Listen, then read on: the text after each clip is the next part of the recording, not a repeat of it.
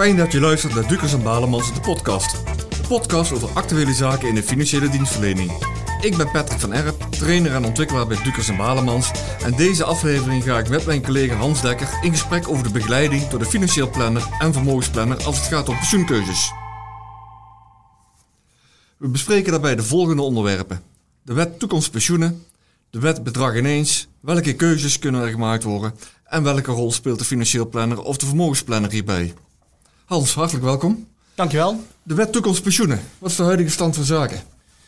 Ja, nou, toevallig uh, dat je ernaar vraagt. Um, afgelopen vrijdag is bekend geworden dat uh, het wetsvoorstel uh, voor een adviesaanvraag naar de Raad van State gaat. Dus daar zit in ieder geval wat schot in. Hè? Als je even okay. kijkt naar de historie daarvan, het is gebaseerd op het pensioenakkoord. Dus in het pensioenakkoord in 2019 zijn er een groot aantal afspraken gemaakt. Die moeten worden vastgelegd in een nieuwe pensioenwet. Um, die wet die is eind 2020 ter consultatie neergelegd. Dus toen konden mensen daarop reageren. Mm -hmm. Dat is ook massaal gedaan. Dus meer dan 800 reacties, waarvan 500 openbaar. En die, uh, veel van die reacties waren ook kritisch. Dus er was veel kritiek ook op die wet. En veel, uh, veel punten van, uh, voor, voor, die voor verbetering vatbaar waren voor, volgens veel mensen. Um, en uiteindelijk zal er wel het een en ander zijn aangepast. Maar dat weten we dus niet. Want we weten eigenlijk, kennen eigenlijk alleen de tekst van, die, van het consultatievoorstel. Mm -hmm. um, het ligt nu bij de Raad van State. beoogde ingangsdatum is 2023. In het voorjaar van 2022 zou die naar uh, de Tweede Kamer moeten. Uh, en dan is er een transitieperiode van 2023 tot 2027. En op 1 januari 2027 moeten alle pensioenregelingen voldoen aan de nieuwe wet pensioenen. Januari 2027. Ja, dat is een harde datum. Okay. En wat is nu eigenlijk de belangrijkste wijziging voor onze financieel of vermogensplanners? Nou, het is een behoorlijk ingrijpende wijziging. De belangrijkste is denk ik uh, uh, dat er twee nieuwe contracten komen. Uh, je ziet nu veel middelloonregelingen, vooral bij pensioenfondsen. Uh, middelloonregelingen die kennen een, ja, tussen aanhalingstekens, gegarandeerde uitkering. En we gaan straks eigenlijk over naar alleen nog maar premieovereenkomsten. Dus beschikbare premieregelingen eigenlijk. Mm -hmm. um, en dan zie je dus dat de beleggingsrisico's, maar ook de, risico, of de risico's van stijging van de levensverwachting... Ja, die worden eigenlijk verlegd naar de deelnemer. Dus de deelnemer en de pensioengerechtigde die gaan in het nieuwe stelsel dan meer risico lopen. Ja, die zijn dus eigenlijk slechter af, als ik jou goed begreep. Ja, daar zijn dan de meningen weer over verdeeld. Um, op, de, op, de, op de eerste plaats, die twee uh, pensioencontracten, uh, allebei beschikbare premieregelingen. Dus uh, beleggingsrisico's, die zijn voor de deelnemer. Alleen, de wet, de, of het wetsvoorstel voorziet nu wel in allerlei mechanismes om die risico's te beperken. Uh, zo willen ze bijvoorbeeld uh, beleggingsrendementen, zowel negatief als positief, die willen ze spreiden over een groot aantal jaren, zodat de schokken in de uitkeringen niet te hoog zal zijn. Maar ja, je hebt wel gelijk. Je gaat van een, uh, van een, vaste uitkering naar een, een uitkering die afhankelijk is of wordt van beleggingsresultaten. Um, als je kijkt naar die twee regelingen, dan, dan hebben ze nu twee nieuwe uh, contracten gedefinieerd. Dat is de solidaire premieregeling, waarbij je eigenlijk meer solidair, solidariteit tussen deelnemers kunt verwachten. De naam mhm. zegt het al. Bijvoorbeeld collectief beleggen en een solidariteitsreserve. En je kent de flexibele premieregeling straks. En daar heb je dus um, een meer individueel contract. Uh, en dan kun je bijvoorbeeld ook kiezen tussen een vast of een variabel pensioen. Dus dan kun je, als je wil als deelnemer, nog een vast pensioen kiezen. Um, afhankelijk van de rente is dat dan wel of niet interessant. Mm -hmm. um, je moet je daar wel bij realiseren dat, uh, hoewel het gevoel is dat je als, als deelnemer meer risico gaat lopen, dat ook nu al in het huidige stelsel bij middelloonregelingen met een vaste uitkering, die uitkering ook minder vast is dan het lijkt. Hè?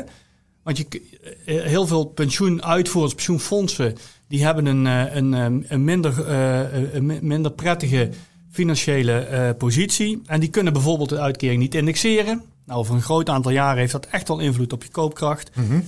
En in sommige gevallen is er zelfs sprake geweest van uh, verlagen van aanspraken en rechten. Um, en je leest nu, uh, er zijn berekeningen gedaan door pensioenfondsen.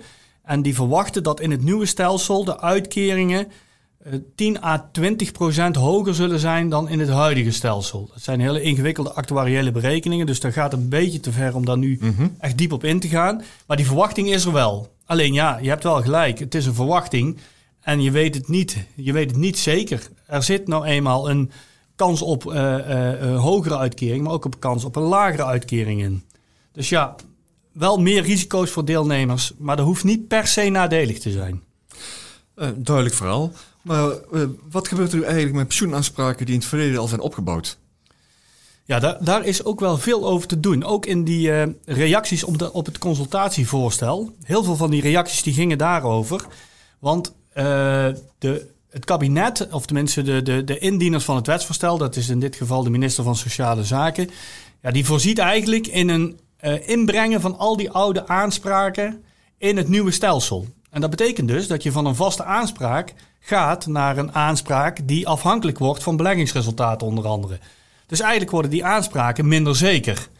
En uh, ja, daar is al veel kritiek op. Dat dat in ieder geval standaard zo wordt voorgeschreven. En dat je er alleen bij hoge uitzondering eventueel onderuit zou kunnen. Uh, dus daar is veel kritiek op. Maar er is ook kritiek op het feit dat als je op dit moment uh, aan collectieve waardeoverdracht doet, zoals dat heet. Ja, dan hebben individuele deelnemers die hebben het recht om daar bezwaar tegen aan te tekenen. En dat bezwaarrecht, dat wil men voor die individuele uh, deelnemers wegnemen. Dus daar is ook heel veel kritiek op. Dus feitelijk kun je zeggen dat eigenlijk ook je oude aanspraken van een vaste uitkering gaan naar een min of meer variabele uitkering, afhankelijk van beleggingsresultaten. En ja, de vraag is hoe deelnemers daar tegenaan gaan kijken. En ik denk over het algemeen ja, dat ze daar uh, minder gelukkig van worden. Dus dat, dat vergt ook heel veel communicatie uh, in, het, in de toekomst over het nieuwe stelsel. Ik denk dat het ook een goede begeleiding vergt van een goede adviseur die de deelnemers daarin gaat begeleiden. Ja, ik, ik denk het wel, want die zal ook kunnen uitleggen. Die kan dan aan het systeem verder weinig doen, maar die kan wel uitleggen wat de voor- en nadelen zijn. Mm. En die kan ook uitleggen dat uh, de kans ook bestaat dat je daarmee een hogere uitkering ontvangt dan uh, je misschien nu voorziet. Ja, helder, duidelijk. Nu is begin 2021 ook de wet bedrag ineens, RVU en verlofsparen aangenomen. Krijgt de financieel planner of de vermogensplanner hier ook nog mee te maken? Nou, ik denk dat dat voor met name financieel planners en vermogensplanners ook een heel belangrijke wet is. Um, je krijgt als deelnemer uh, vanaf 1 januari 2023 de mogelijkheid om 10% van je pensioenkapitaal ineens op te nemen. Dus heb je, uh, is je pensioenkapitaal 300.000 euro, dan kun je 30.000 euro ineens opnemen. Ja, dan moet je je wel realiseren, dat is wel een bruto bedrag, dus daar gaat nog belasting overheen. Ik heb het even nagerekend. Nou, als je in het laagste tarief zit, hou je er ongeveer 19.000 euro van over. Uh, en als je in het toptarief zit, nou, dan betaal je ongeveer de helft van, ongeveer 50% belasting. Dus dan hou je daar ongeveer de helft dan over, zeg maar 15.000 euro. Ja, en ja, dat bedrag krijg je dus dan ineens uitgekeerd. Ja, belangrijk wel, je, kun, je hebt maar één mogelijkheid om daarvoor te kiezen. En dat is als je met pensioen gaat. Dus je hebt, uh, als je met pensioen gaat, de keuze 10% van een bedrag ineens. En je kunt dat niet in een later stadium nog doen. Of in een eerder stadium, als je nog niet met pensioen bent. Dus alleen maar op die datum kun je daar, uh, kun je daar uh, een beroep op doen, op die, op die mogelijkheid. Oké. En er zijn een aantal voorwaarden aan verbonden. Je kan bijvoorbeeld, je mag dan geen hoog-laag constructie meer doen als je kiest voor een bedrag ineens. En uiteindelijk mag het bedrag van je pensioenuitkering niet onder de waarde voor, voor een klein pensioen uitgaan. Is ongeveer 500 euro per jaar. Dus je pensioenuitkering, nadat uh, dat je het bedrag ineens hebt ontvangen, mag, moet eigenlijk hoger zijn dan ongeveer die 500 euro. Anders kun je niet, anders kun je niet kiezen voor die gedeeltelijke afkoop. Ehm, ja, wat ik daarbij wil zeggen nog, misschien ook als tip voor financieel planners en vermogensplanners. Stel dat je een klant hebt die in 2022 met pensioen gaat, maar wel een beroep zou willen doen op dat bedrag ineens, dan zou je in principe kunnen kijken of je het pensioen zou kunnen uitstellen tot na die datum, 1 januari 2023. En dan zou je uh, 10% ineens kunnen afkopen. Um, ja, kijk, dat is niet voor iedereen weggelegd, want sommige mensen hebben natuurlijk die uitkering gewoon nodig, dus dat kun je niet uitstellen. Maar als dat mogelijk is en kan, en uh, klanten staan daarvoor open, ja, dan zou je dus eventueel voor uitstel kunnen kiezen. Duidelijk. Die afkoopsom, Hans, uh, moet je die gebruiken voor specifieke doeleinden of ben je daar vrij in? Nee, het, het mooie is dat je helemaal vrij bent. Dus je mag, je mag dat bedrag gebruiken voor alle doeleinden die je zelf wil. Oké. Okay. Dus je mag, uh, je mag ermee gaan reizen. Je mag je hypotheek aflossen. Je mag ermee naar het casino gaan. Dat maakt niet uit. dus je mag, je mag er in principe... Stel dat je uh, uit een situatie komt dat je een auto van de zaak had... en je hebt een nieuwe auto nodig. Nou, dan mag je er een auto voor Dus het is helemaal vrij besteedbaar. Het is heel lastig ook te controleren, denk ik, voor, voor uitvoerders met name. als, er een, als er een bestedingsdoel aan vastgeknoopt zou worden... stel je mag er alleen je hypotheek mee aflossen... Ja, dan moet je dus ook daadwerkelijk controle daarop uitoefenen. En dat is misschien wel de reden waarom ze dat, dat niet willen doen. Maar het mooie is, je bent helemaal vrij in besteding van, van dat bedrag. Oké, interessant. We gaven een introductie aan, Hans, dat we het ook zouden hebben over pensioenkeuzes. Om welke keuzes gaat het dan eigenlijk? Nou ja, wat ik daar als eerste over wil zeggen is dat um, die pensioenkeuzes die hebben gevolgen. En uh, die hebben best wel ingrijpend gevolgen financieel, over het algemeen. En als je eenmaal een keuze maakt, in veel gevallen kun je er ook niet op terugkomen. Dus je moet altijd heel wel overwogen die keuze doen. En ik denk dat daar ook een belangrijke rol ligt voor de financieel planner en vermogensplanner. Als we, dan, als we het dan hebben over die keuzes, nou dan, ja, dan kun je in principe daar wel een onderscheid in maken. En op de eerste plaats heb je de beleggingskeuzes. Die beleggingskeuzes worden denk ik met het nieuwe stelsel be, uh, uh, uh, zeg maar groter. Hè? Dus je krijgt meer beleggingskeuzes, zo moet ik het zeggen. en aan de andere kant heb je flexibiliseringskeuzes. die keuzes die bestaan voor een heel groot deel al. Bijvoorbeeld, je kan eerder met pensioen gaan. Je kan je pensioen uitstellen. Ehm, je kan met deeltijdpensioen gaan. Als je bijvoorbeeld besluit dat je eigenlijk wel eerder wil stoppen, maar dat nog niet helemaal financieel kunt rondbreien, dan kun je ervoor kiezen om gedeeltelijk te stoppen en gedeeltelijk door te werken. Um, je kunt variabiliseren, waarbij je de eerste jaren juist een hogere of juist een lagere uitkering hebt dan de jaren daarna. Ook weer binnen allerlei fiscale regels en juridische regels. Hè. Je, je, mag dan bepaal, je, moet binnen een bepaalde bandbreedte blijven dan. 1 staat tot uh, uh, 75. Um, en je kunt ruilen. Dus je kunt uh, ouderdomspensioen ruilen in partnerpensioen. En als je opgebouwd partnerspensioen hebt, dan kun je dat ruilen in ouderdomspensioen. Maar die keuze is onomkeerbaar. Dus als je eenmaal hebt geruild, dan kun je nooit meer terugruilen. Dus daar moet je goed over nadenken. En eh, wat ik dan ook een keuze vind, is dat bedrag ineens, hè, waar we het net over hadden. Ja, inderdaad, inderdaad. Wat kan een financieel planner of de vermogensplanner voor de klant betekenen als het om deze keuzes gaat? Nou, ik zei al dat het heel ingrijpende keuzes zijn. Die met name ook uh, financieel ingrijpen in, het, uh, in, het, in, de, in, de, in de positie van een klant. Dus ik denk dat het op de eerste plaats van belang is dat je als adviseur inzicht en overzicht kan geven over de situatie uh, van nu. De situatie zoals die is als je zeg maar kiest voor de, noem ik het even default, hè, zoals het zeg maar normaal gesproken zou gaan. -hmm. En de financiële situatie uh, nadat je de keuze hebt gemaakt. Dus dat je daar een vergelijking in kunt maken. Dus dat inzicht en overzicht, dat denk ik dat een financieel planner, vermogensplanner, prima kan geven. En als je dat inzicht en dat overzicht hebt, dan is het ook makkelijker voor een klant om die keuze eventueel te kunnen maken. Waarbij ook de, de planner um, kan uitleggen um, zeg maar hoe die gevolgen ingrijpen in de financiële positie van, uh, van klanten. Waarbij volgens mij altijd als uitgangspunt geldt wensen en doelstellingen. En um, als je al in een vroeg stadium met je klant praat over pensioen en pensioenkeuzes, dan heb je nog de tijd om eventueel actie te ondernemen. Dus als je dan kunt laten zien aan een klant, ja luister, als je eerder wil stoppen, ja, dan heeft dat die en die gevolgen op jouw financiële positie, jouw inkomenspositie na pensionering.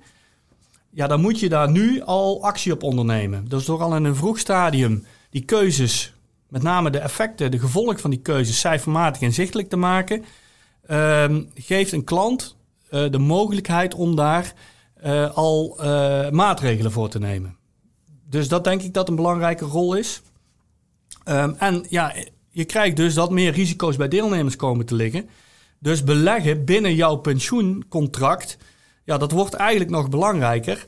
Um, met name bij een flexibele uh, premieregeling krijgt de deelnemer dadelijk meer keuzes in zijn beleggingen denken we, dat is nog niet helemaal zeker, maar als, als we de, de, zeg maar het, wetsvoorstel mogen geloven.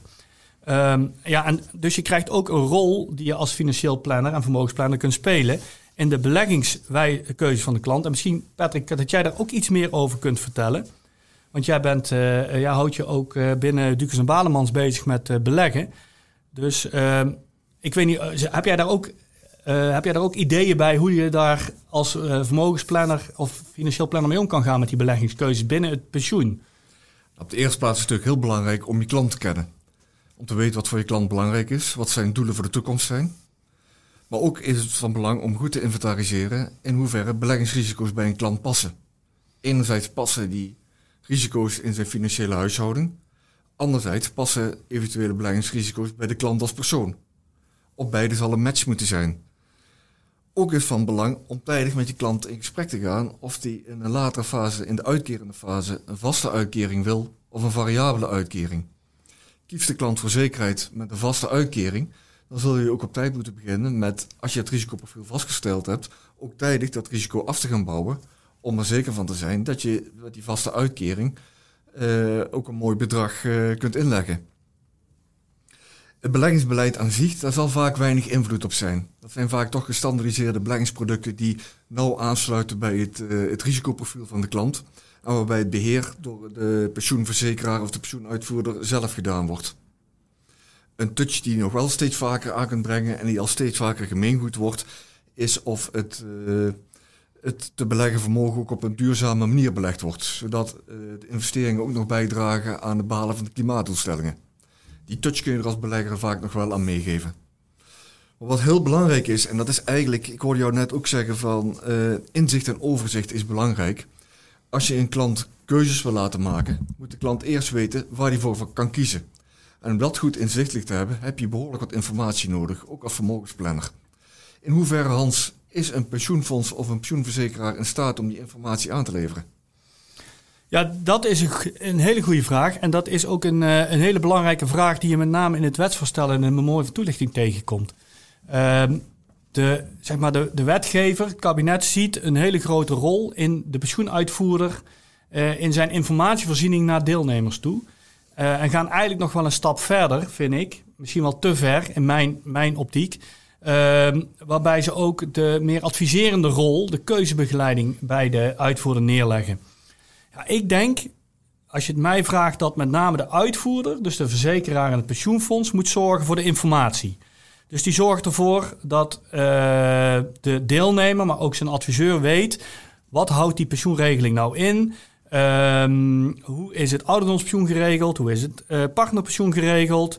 Welke keuzes kun je maken? En eventueel, en dat zie je ook steeds vaker, uh, kun je vanuit um, uh, de website van, van, van een pensioenuitvoerder ook doorklikken naar een mijnomgeving en met een, met een inlogcode of met je DigiD-code daarop inloggen.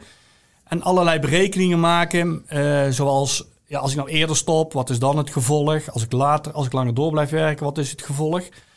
Ja, en dat is heel waardevol. Mm -hmm.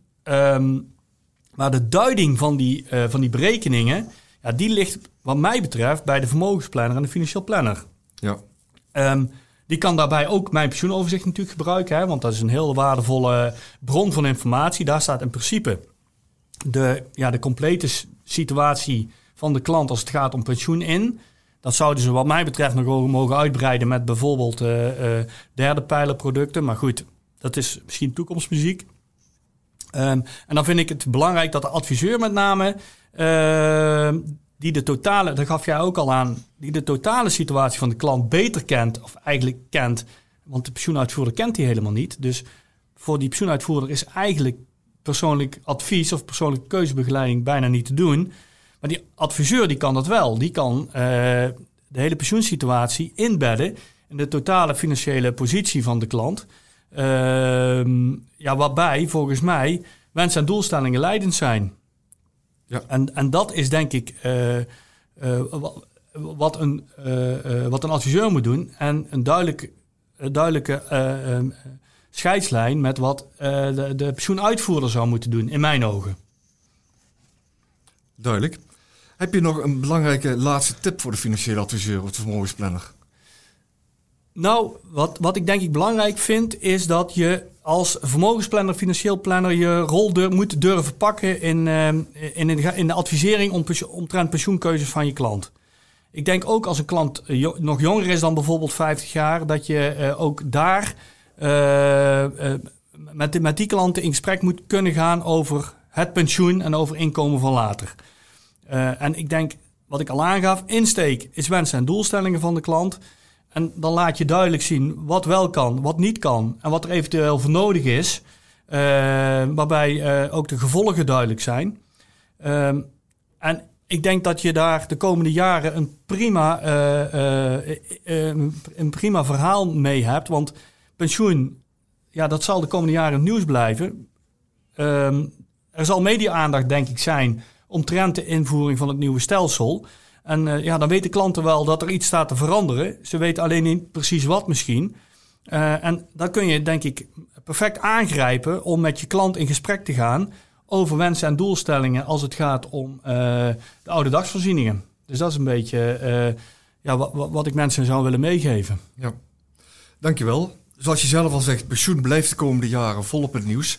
Uiteraard zullen wij het ook blijven volgen om onze cursisten en de luisteraars van de podcast uh, blijven te informeren. Voor nu hartelijk dank voor deze toelichting Hans. Uh, luisteraars hartelijk dank en graag tot de volgende keer. Nou, namens mij ook bedankt en tot de volgende keer.